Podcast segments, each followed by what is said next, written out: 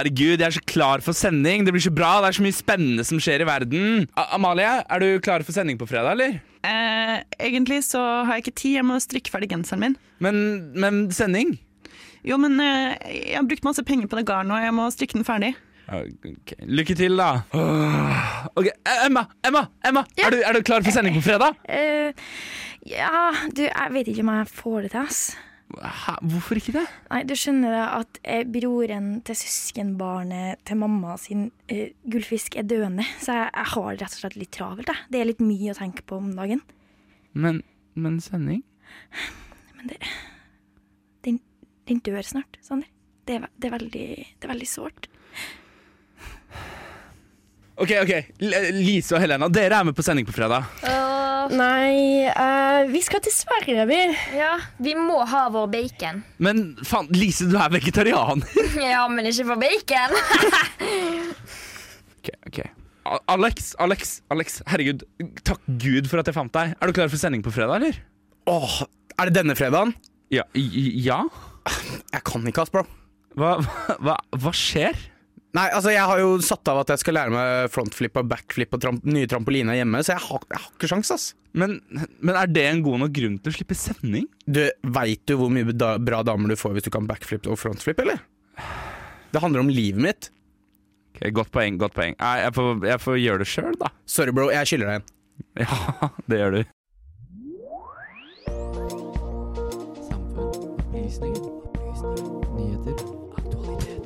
Åh,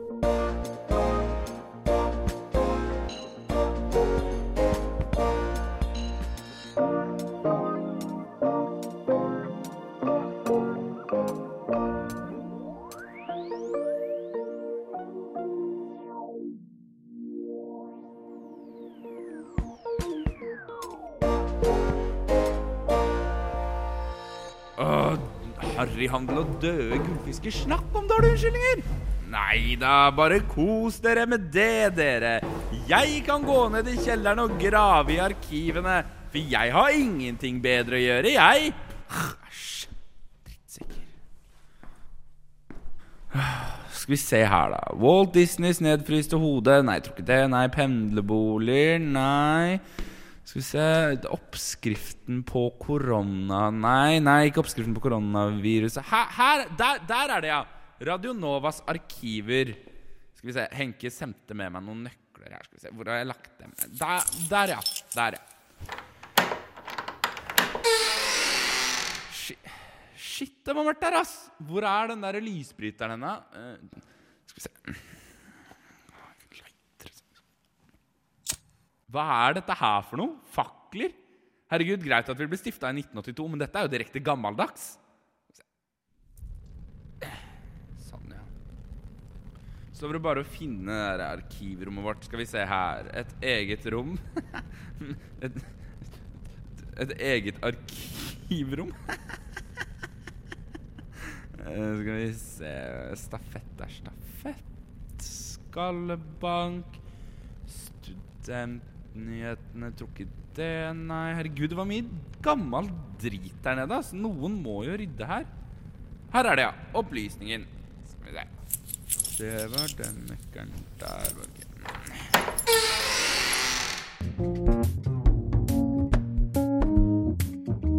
Dette her er imperialisme av verste sort, hvor hele verden er skal vi si, med i et gedigent system som er forurensende og urettferdig. Du hører på Radio Novas samfunns- og aktualitetsmagasin, Opplysningen.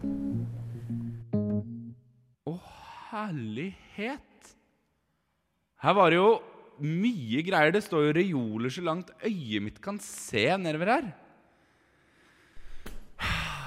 Hvor skal vi begynne da? Åh. Jeg skal ta salto på trampolin. Åh, se. 2020 Vet du hva? 2022 Vi, vi, vi begynner her. Skal vi se. Det står masse sånne store kasser her oppe. Skal vi se. Det Er det, er det Fa, Faen, er dette en vits? Kassetter! Altså, herregud, for en gammeldags gjeng vi er. Tja. Her står spennende ut.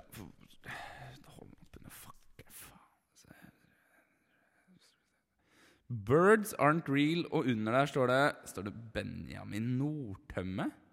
Hm. Jeg får jo ikke sjekka det. Jeg har jo ikke noen kassett. Hva er det, hva er det som ligger her, da? Er det en gammel Walkman? Altså, Teknisk museum må jo komme og hente det arkivet her snart. Skal vi se. Legger den Skal vi se Åpne lokk, og så legger vi den kassetten inn der. Så OK. Vi hører gjennom én gang først. Alle fugler små de er, overvåkningsdroner. I hvert fall er det svaret du får om du spør noen fra bevegelsen som kaller seg Birds Aren't Real. Jaha, ærlig talt, fugler er overvåkningsdroner? Det virker jo ganske søkt, kan jeg høre dere lyttere tenke. Men har du tilbrakt mye tid på sosiale medier i juleferien, så har du kanskje kommet borti budskapet allerede. Forklaringen er enkel. Under den kalde krigen iverksatte amerikanske myndigheter en kampanje for å utslette alle ekte fugler, og følgende erstatte dem med mekaniske fugleroboter, utstyrt med antenner og mikrofoner for å avlytte og spionere på befolkningen. The birds know your social security number! You filming me doesn't scare me. The birds do that to me every day anyway. Og når du ser fuglene sitte på en strømledning, lader de egentlig bare opp batteriene, så de kan fortsette å avlytte og holde et øye med oss. Vel, paranoid er et ord som kommer raskt til tankene. Men fjerner du tre bokstaver, får du parodi. Og det er egentlig det dette dreier seg om. For Birds Aren't Real er ikke som andre konspirasjonsteorier. Det hele er et ganske ungt fellesskap som sammen går inn for en satirisk tolkning av antivitenskapelige holdninger og den ekstreme mistilliten som eksisterer i forskjellige lommer av det moderne amerikanske samfunnet. Nå, for ryddighetens skyld, er det ingen fra Birds Aren't Real som oppriktig mener disse tingene. Bevegelsens egentlige mål er å utstille paranoia og galskap, med et parodisk glimt i øyet. Det begynte som en spøk på kvinnedagen i 2017. En gruppe college-studenter med Peter McIndoe i spissen får sammen en litt vill idé når de ser kvinnesaksforkjempere komme gående nedover campus i Fayetteville, Arkansas. Hva om det er noen i toget som marsjerer med et helt annet kjempeabsurd budskap enn de andre? Hadde ikke det vært kjempegøy, tenker de. Dette skjer under president Trumps tid i Det hvite hus. Alternative fremstillinger og falske nyheter blomstrer for fullt i det amerikanske samfunnet.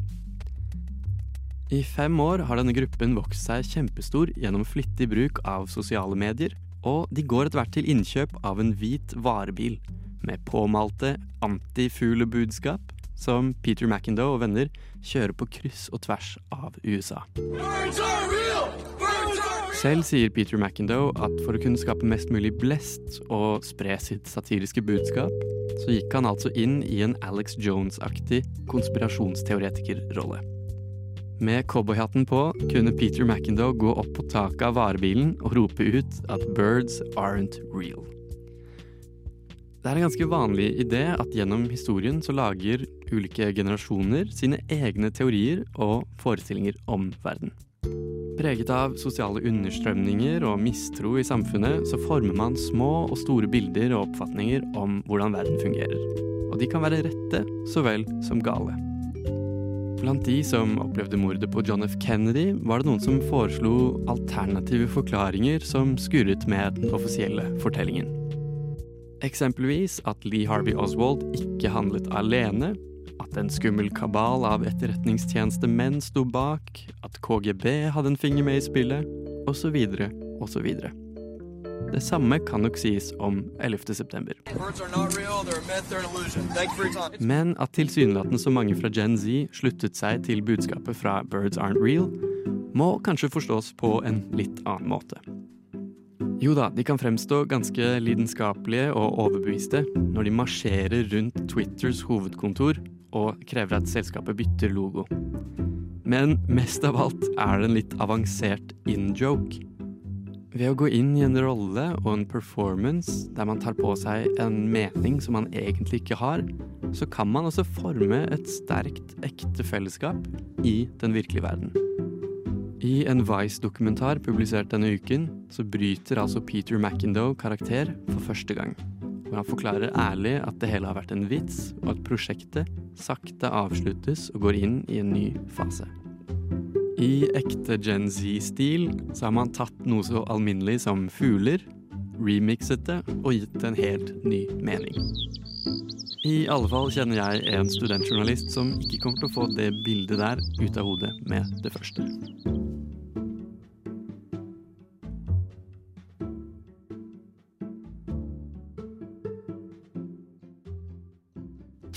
Ja, ja, den sender vi. Den sender vi. OK, putt den tilbake inn i esken. Der er hodet. Du, Sander? Ja? Hvorfor har du blitt så smart i det siste? Jeg vet ikke, jeg spiste epler og havregrøt. Og så har jeg hørt på opplysningen, da. På Radio Nova. Nei. Den reolen her var jo litt spennende. Skal vi se.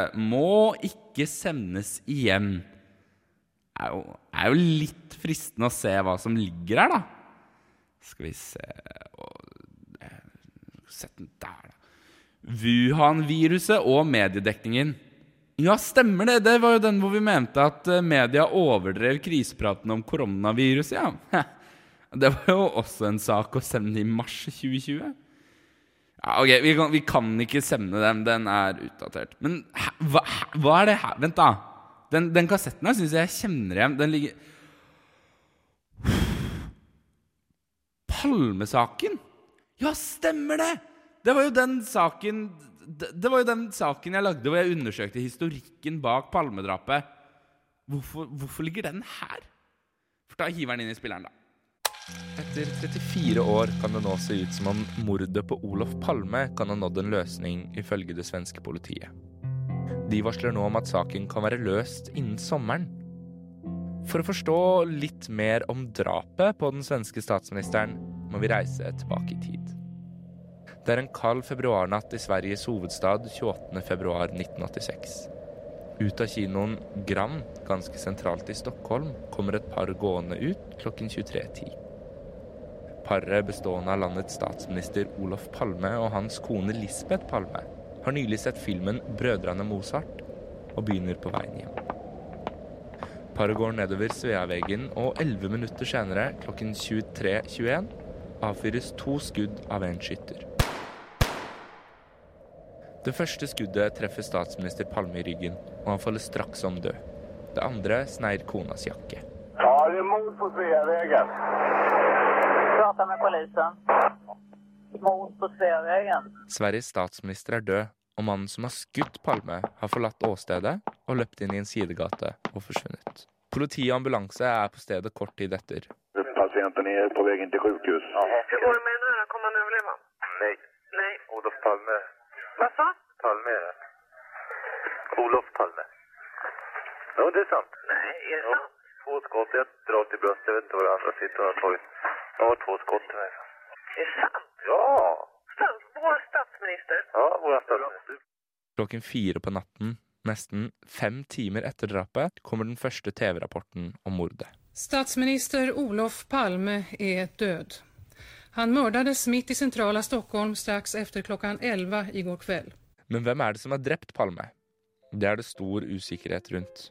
Tidlig i prosessen mener man at dette kan være et politisk mord utført av utenlandske terrorister, og mange ulike grupper pekes ut. En av de første gruppene som ble mistenkt for å stå bak mordet, er den venstre-radikale gruppen Råte Armé Fraktion, RAF, eller best kjent som Bader Meinhof-gruppen. Grunnen til at gruppen ble mistenkt, er at det kort tid etter drapet blir innringt et anonymt tips av noen som tar på seg skylden på vegne av RAF. Innringeren opplyser fritt oversatt fra tysk. Det her er RAF. Vi har skutt statsministeren deres. Teorien om at Raff står bak, blir fort forlatt. En annen gruppe som tidligere ble sett på som mistenkte, er kurdiske terrorister knyttet til PKK-bevegelsen.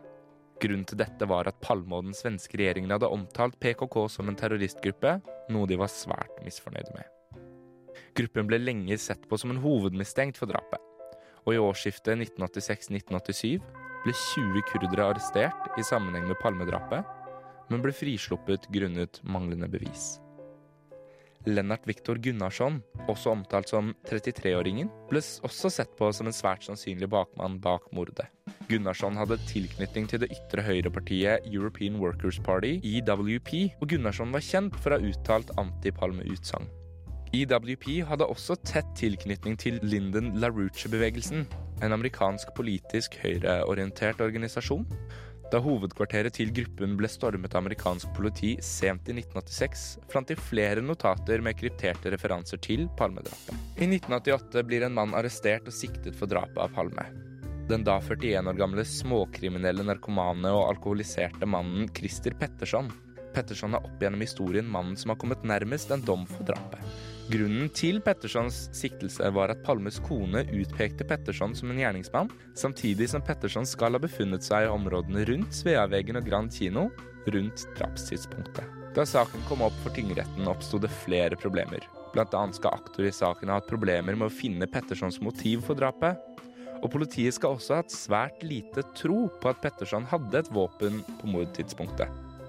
Nesten ti år senere, i 1997, fremmer Riksadvokaten en begjæring om gjenåpning av Palmesaken. I gjenopptakelsesbegjæringen hevdes Christer Petterson fortsatt å være hoveddrapsmannen, og Riksadvokaten mener at han nå har flere vitner som kan bekrefte dette. Begjæringen om gjenopptakelse blir derimot avslått grunnet for få bevis, og få år senere, i 2004, dør Petterson av en hjerneblødning.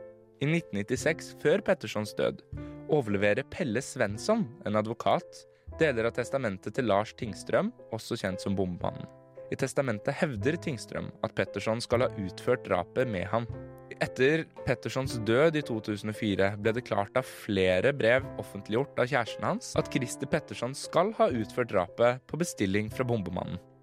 Det er derimot ikke Petterson eller Bombemannen som nå er hovedmistenkte i det saken kan se ut til å nå en slutt. De svenske avisene Aftonbladet og Ekspressen skriver at Palmegruppen har gjennomført nye vitneavhør, og at temaet i disse avhørene har vært Skandiamannen.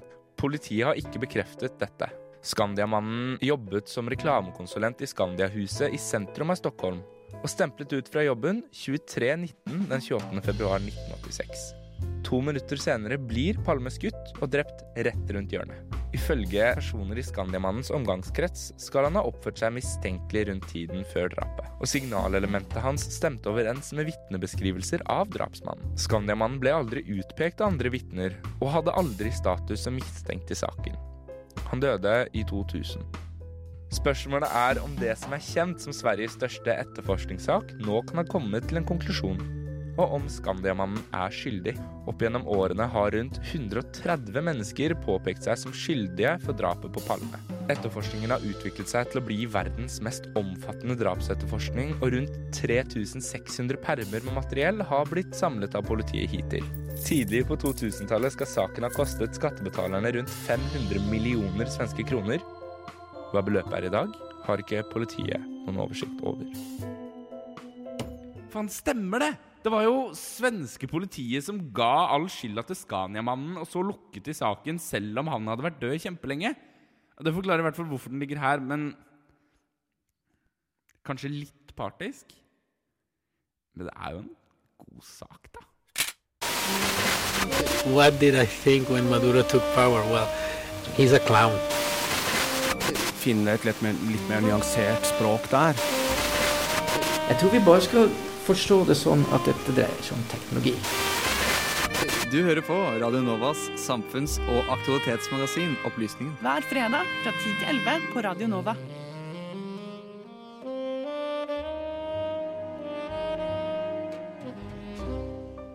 Skal vi se her Palmesaken Da har vi to saker. Trenger jo egentlig litt mer, da. Men vi tar noe skikkelig gammelt? Hvor langt ned går det her, da? 2019 2018 2017 16 15 Skal vi se 2014, og så er det tomt nedover her. Men starta ikke vi opp i 2013, da? Jo, vent, da! Her står det en pappeske. Skal vi se 2013. Hva er det her for noe? Her, det er jo masse gamle glasskrukker, da. Så står det masse Jeg greier ikke å lese hva som står der. Men hva, hva skjer hvis vi åpner den? En P-stasjon har en innvirkning på den enkelte nordmanns selvfølelse og identitet. Og de har ikke råd til å betale eh, markedspriser for, for gassen. Akkurat nå hører du på Radio Novas samfunns- og aktualitetsmagasin, Opplysningen 99,3.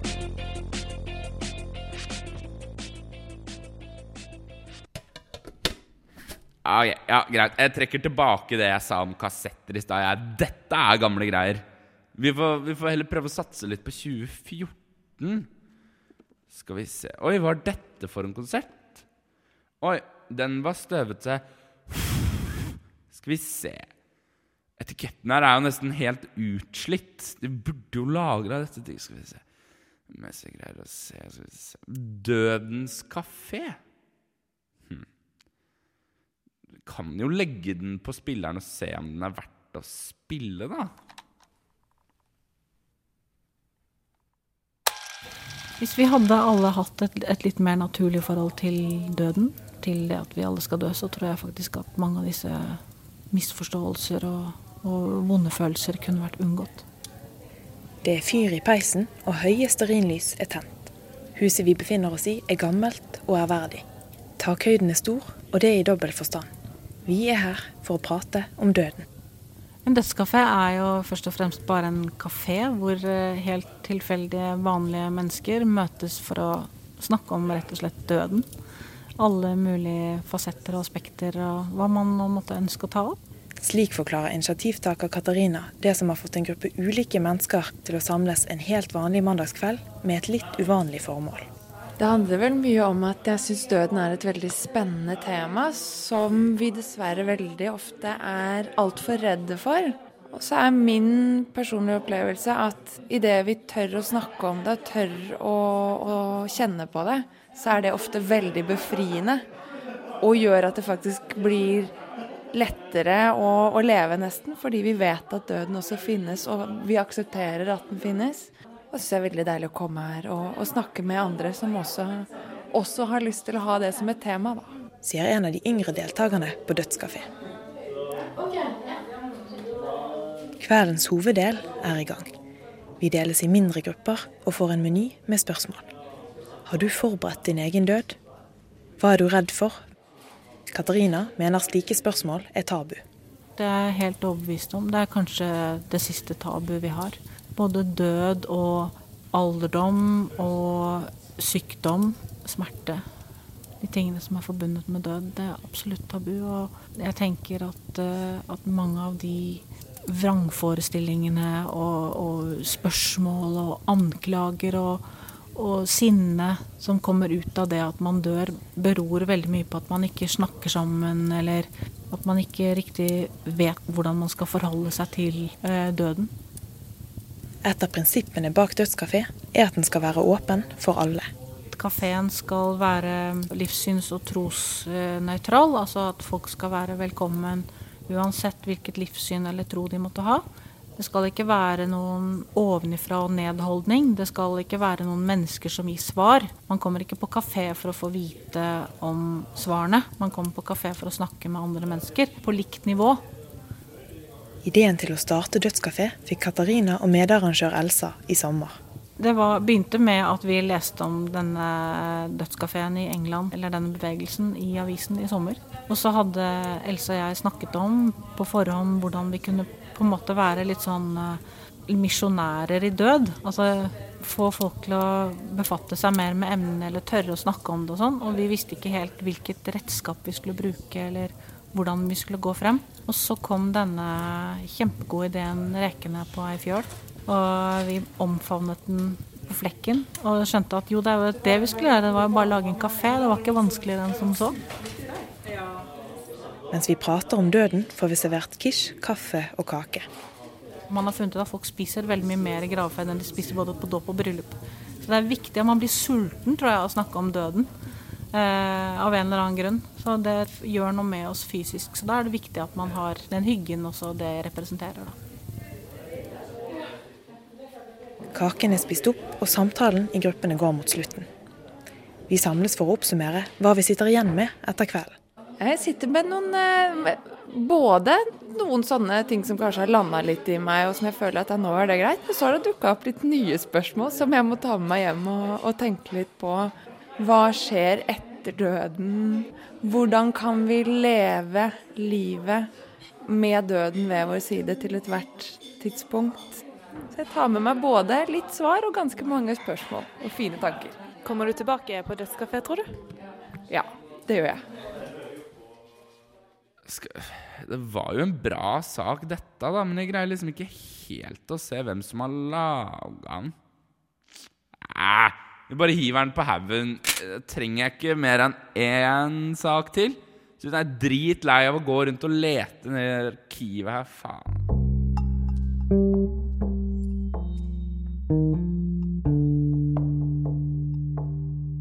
And this is insane. I've never seen this in any other country. Never in my life. People eating from the trash, fighting about it. Eh, Når så mange er ensomme, så ligger jo på en måte ikke dette på, på individet lenger. Det ligger på systemet. Vi er i ferd med å ødelegge evnen vår eh, permanent kognitivt i hjernen til å konsentrere oss over lengre tid. Radio Novas samfunns- og aktualitetsmagasin gir deg historiene, sakene og debattene andre overser. Aldri redd, alltid balansert. Opplysningen 99,3. OK Bare La oss bare velge en sak. Skal vi se, Noe som ikke er sånn høygammelt. Uh, 2018? Hvorfor ikke? Skal vi se La oss ta den esken der. Sånn Hva med, hva med deg? Faen! Skal vi se Hva står det her, da? Ah, De folka kan jo ikke skrive. Anna Lea Thorseth Poppe? Ja, det må være journalisten over her. Står det. Hvorfor er Jordan Peterson så populær? Ja, hvorfor ikke? La oss bare Vi den, vi bare hiver den på spilleren. vi. Forrige uke snakket vi i Opplysningen om en undersøkelse gjort av Ungdata, som viste at stadig flere unge gutter rapporterer om psykiske helseplager. Denne uken skal vi ikke snakke om samme undersøkelse, men vi skal fortsatt snakke om unge gutter. Eh, For unge, hvite, heterofile gutter er vel i en gruppe de fleste vil kalle privilegert. De får jevnt over høyere lønn og bedre jobbtilbud. Men hva med de som likevel ikke klarer det?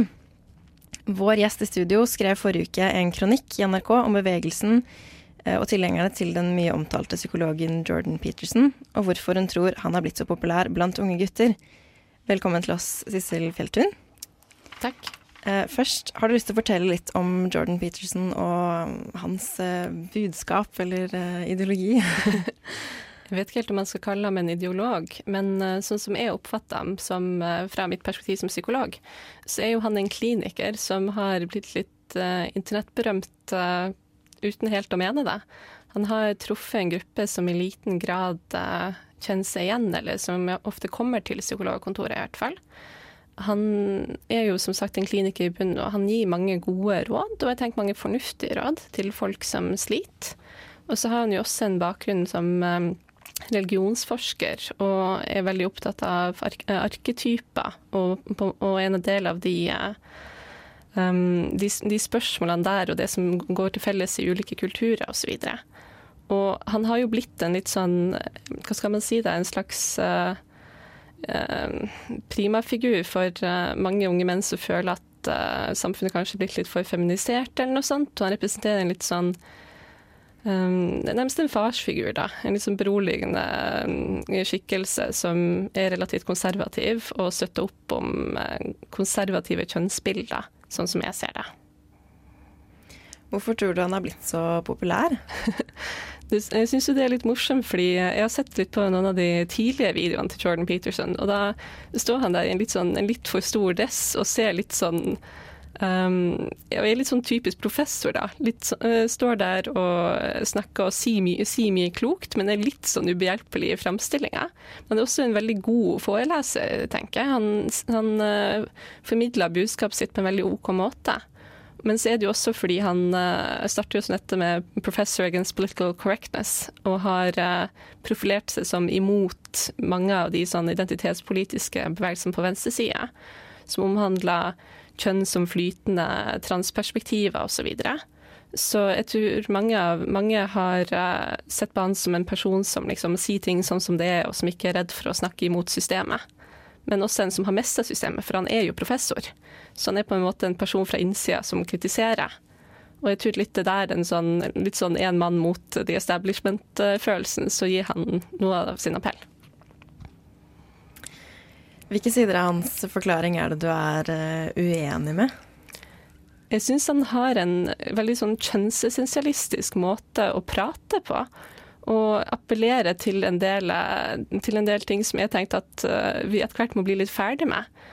For det er en ting for Peterson å, eh, å, å snakke til folk som han føler får lite oppmerksomhet, eller uh, problemstillinger som vi i liten grad debatterer. Unge menn fra et sånt et empatisk perspektiv, kanskje. Det har vi kanskje litt lite av. Men så går han også over og Opp til et visst punkt så snakker han om individuelt ansvar, og etter det punktet så begynner han å snakke om eh, samfunnsansvar eller biologi. Og fremholder biologiske kjønn veldig sterkt. Og han har jo f.eks. sagt dette med at eh, monogame samfunn har mindre vold enn samfunn som ikke er monogame. Derfor må vi etterskjeve monogami som norm. Og jeg tror ikke Peterson mener for å gjøre det klart, jeg tror ikke han mener at vi skal ha en sånn sentral utdeling av kvinner, liksom. Men når han snakker om mannlig aggresjon som en sånn, nærmest en sånn naturlov eller, en, eller som været, at vi kan ikke gjøre noe med det, vi kan bare forsøke å demme opp for det, sånn at det i mindre grad får seg frem. Så tenker jeg at, at det går jo også veldig imot det andre budskapet hans, med at du kan ta kontroll over eget liv. Og jeg synes det er en eh, det er på en måte den veldig myke utgaven av den sånn hardeste varianten av dette som kanskje du ser hos incel-bevegelser på skikkelig hardlinene der, som, der det er en del som faktisk tar til orde for at kvinner burde på en måte gå på rundgang, sånn at ingen, eh, ingen skal gå uten sex, for det, for det er så grusomt på et vis. Og jeg syns ikke Jordan Peterson i tilstrekkelig grad tar avstand fra den type ting, og selv om han ikke er for den ekstreme varianten der, så syns også han lager smale kjønnsroller, både for menn og kvinner, ved å fremholde biologi og ved å fremholde gruppeforskjeller som om det gjelder for hvert individ. Men så har han jo også en, eh, mange tilhengere, eh, så det er jo åpenbart at det er noe han treffer. Akkurat hva er det tror han treffer på? Hvor er det folk eh, kjenner behov for å høre på akkurat han? Han har jo en litt sånn, eh, han har jo en litt sånn fin stil av og til. ikke sant? Det er litt sånn skjerp deg og begynn i det små og gjør dette. Og livet handler ikke bare om å ha det moro hele tida. Du må finne en mening med tilværelsen. Og jeg tenker det er noe de fleste klinikere kan være enig i, at dette er gode utgangspunkt. ikke sant? Og så tror at han, fordi han står på en annen side av den kulturkrigen enn mange andre, så appellerer han til en del som, som ønsker seg på en måte konservatisme, eller som ikke syns at måten samfunnet går nå er så bra. Men så gir han også sånt, en form for fellesskap til dem. Og han sier jo sjøl at det er mange av de som eh, jeg snakker med som aldri har fått et godt ord i sitt liv. ikke sant? Og ved å gå inn i en sånn farsrolle, men også prate litt sånn spesifikt kjønna med å ta side med noen systemforklaring at ja, den politiske korrektheten går imot oss alle, og det er ikke noe vits i det. Biologien er sånn, og menn får betalt bedre fordi de mestrer kapitalismen bedre, nærmest, heller enn at det er noen fordommer der ute. Og, og så mestrer han jo sin egen rolle, ikke sant. Og så har han en veldig eh, engasjerende måte å snakke på.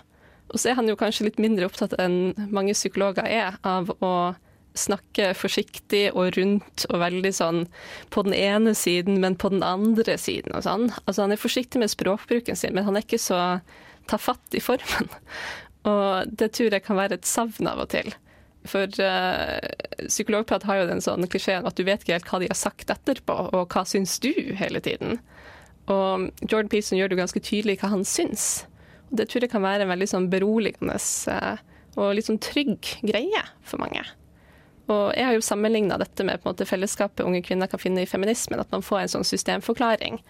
Og når man får det, så er det lettere å ta til seg det en kan gjøre sjøl. Du får noen verktøy, og så kan du på en måte begynne å jobbe med ditt eget liv. Og så kan du legge bort skam og skyld. For kvinner kan jo kanskje finne en systemforklaring i feminisme, men hvem er det som du tror finner en systemforklaring i Jordan Petersons Jeg tror kanskje det er de som opplever at offentligheten er blitt politisk korrekt og venstrevridd og en del sånne ting. Og at her har du en eh, professor som eh, kan sine saker og kan sin statistikk, som, som er helt enig, og som opplever seg sjøl eh, ikke jaga, da, men utsatt for uh, sen forsøk på sensur. Og at eh, det, det opplever de også, ikke sant. Og jeg tror vi alle kan føle litt på det hvis vi har vært i en sånn situasjon der vi har sagt et eller annet og folk har ler skikkelig på øyebrynene. Så er det veldig tiltrekkende å tenke at de, de, de tåler bare ikke ærligheten min og sånn. Og det opplever jeg mye av Jordan Petersons forklaring på han. at eh, Men han er for ytringsfrihet, og disse andre er ikke for ytringsfrihet. Og, og, det kan en kanskje tenke sjøl, men de tåler ikke meningene mine, for de, de vil ikke snakke om verden sånn som den egentlig er. ikke sant? Så det er en, det er en sånn opposisjonell sak. Og Hvis man ser på samfunnet og ikke helt kjenner seg igjen i, i de debattene som går der, så er det kanskje fordi, fordi jeg ser liksom gjennom dette, sånn som han. Du presenterer jo en slags eh, jeg vet ikke om man kan kalle det alternativ løsning i din kronikk, men du skriver i hvert fall at vi har lenge snakket om hvordan vi skal oppdra kvinner. Vi må snakke om hvordan vi skal oppdra menn. Vi må lære dem opp i de feminine kvalitetene vi alle trenger. Hva, hva mener du med det? Jeg tenker at vi må utvide de kjønnsnormene vi har. Um, det er jo et sånt gjennomgående tema i samfunnet at vi har veldig lite rom for maskulin sårbarhet. Uh, jeg tror mange av oss har opplevd at ei uh, jentevenninne begynt å grine på fest, og ikke reagert sånn kjempemye på det, kanskje. Men jeg kan aldri huske at jeg har opplevd en gutt som har begynt å gjøre det noen gang. Og det er sikkert mange av dem som kanskje kunne hatt et behov for det på et tidspunkt. Og, og jeg kan kjenne litt sjøl også at hvis mine mannlige venner er hvis, hvis, de, hvis, de, går over til å bli sånn veldig trygghetssøkende, så kan jeg synes det er litt sånn Da må jeg jobbe litt med meg sjøl for å holde litt en sånn um, sensuren tilbake, da. Eller for å bli sånn Ja, det var det veldig. Mens fra mine jentevenninner så, så tenker jeg det er helt normalt og reagerer ikke på det. Så det er et veldig sånn smalt spenn for mannlig sårbarhet, opplever jeg. Og det syns jeg vi burde utvide. Og det er litt det som gjør meg kritisk til Jordan Peterson også, for jeg opplever ikke at han utvider det. Fordi han holder såpass sterkt på de kjønnsnormene, ikke sant. Og stilen hans er også veldig sånn skjerpte, med omsorg, liksom, men en sånn, innenfor en sånn veldig tradisjonell maskulinitet. Og hvis du ser på hvert år når det, det begynner å bli pride-tid, så er det noen som sier i avisa at uh, jeg er så lei av disse feminine homsene som gjør det vanskelig for meg å være en sånn helt vanlig homofil person. ikke sant? Det sier også noe der om at når menn begynner å liksom ta til seg noe av det som anses som kvinnelig, så blir samfunnet veldig sånn å nei med en gang. Og det tenker jeg ligger i en sånn nedvurdering av det vi anser som feminint, som sårbarhet, men også å trenge omsorg og utøve omsorg. Og det burde vi endre på, tenker jeg. Vi har jo hatt samtaler tror jeg, mange om hvordan man kan oppdra kvinner til å liksom oppdra jenter til å bli kvinner som kan håndtere den verden og, den, og det de skal møte. Men jeg tror vi også må ha samtaler om hvordan vi kan oppdra gutter til å bli menn som kan møte de kjønnsstereotypiene. Og ignorere dem, eller håndtere dem på en OK måte. Sånn at de får et større rom til å være den de er, og ikke bare den personen som andre mennesker helst har lyst til å se. Men det finnes vel en del maskuline kvaliteter også, gjør det ikke det? Jo da. Og det er jo litt tåpelig også å si feminint og maskulint, for det får det til å høres ut som om de bare hørte menn, de bare hørte kvinner. Uh, men hvis man tenker på det som litt frakobla fra kjønn, da, så tenker jeg at vi alle har liksom godt av å dyrke begge to. Og finne litt ut av hva, hva dette kan jeg ta til med. Og det kan være mye å ta og hente i sånne tradisjonelle mas maskuline ting som å um, få jobben gjort, holdt jeg på å si, eller å gå litt direkte til saken osv. Uh, men en må jo kjenne litt på hva en sjøl foretrekker. Jeg tror det er langt mer akseptert for kvinner å gå i den retninga enn det er for menn å gå i den andre. Og det syns jeg er litt kjedelig og litt trist. Og tenker at uh, da gjør vi det vanskelig for unge gutter å uttrykke sårbarhet og, og ta imot dem. Fordi de skal på en måte være litt stille eller håndtere dette sjøl, eller på en måte eh, finne et eller annet av det som ikke er så åpent og som ikke er så nakent. For det, det er en rolle vi tenker på som, som veldig sånn typisk kvinnelig. Og du ser jo også at det, det finnes jo knapt en åpent homofil fotballspiller i toppidrett Nei, fotball, eh, fotballspillere. Uh, mens det har ikke vært et problem på jentesida på samme måte. Det har nesten vært en klisjé, tror jeg. Um, og vi har ikke så mange gutter som har stått frem som uh, har åpent sagt at de har opplevd overgrep, f.eks. Og her så havner vi litt sånn mellom flere stoler av og til, fordi, fordi kvinnebevegelsen ofte har vært de som har drevet frem tilbud for utsatte. Så har de ofte drevet frem tilbud for kvinner.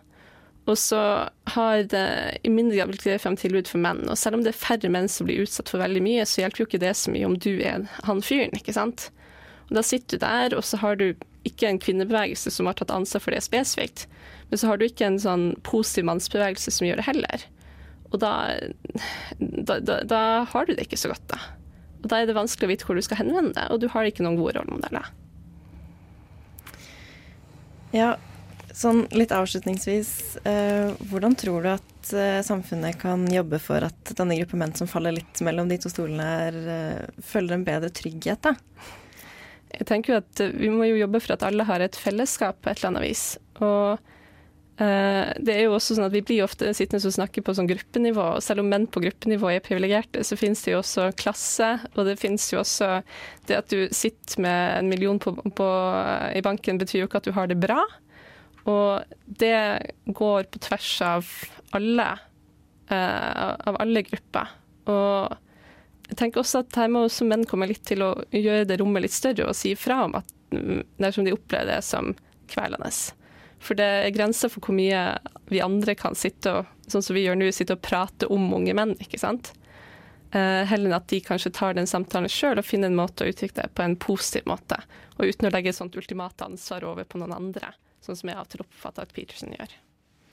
Tusen takk til deg, Cecil Fjelltun, for at du kom til oss i dag. Neimen, skulle du sett? Den var jo ganske relevant for i dag, selv om den er fire år gammel. Neimen, Bertil, da! Ja? Har du glemt å høre den siste episoden av Opplysningen på Radio Nova? Har nok det. Men da kan du jo bare høre det som podkast når du vil. Å, det skal jeg jammen meg gjøre!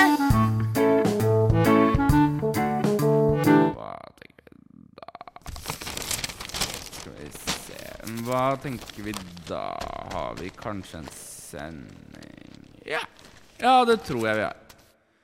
Jeg får ta og tusle opp igjen, da, og så sørge for at de sakene her blir spilt på fredag. Skal vi se.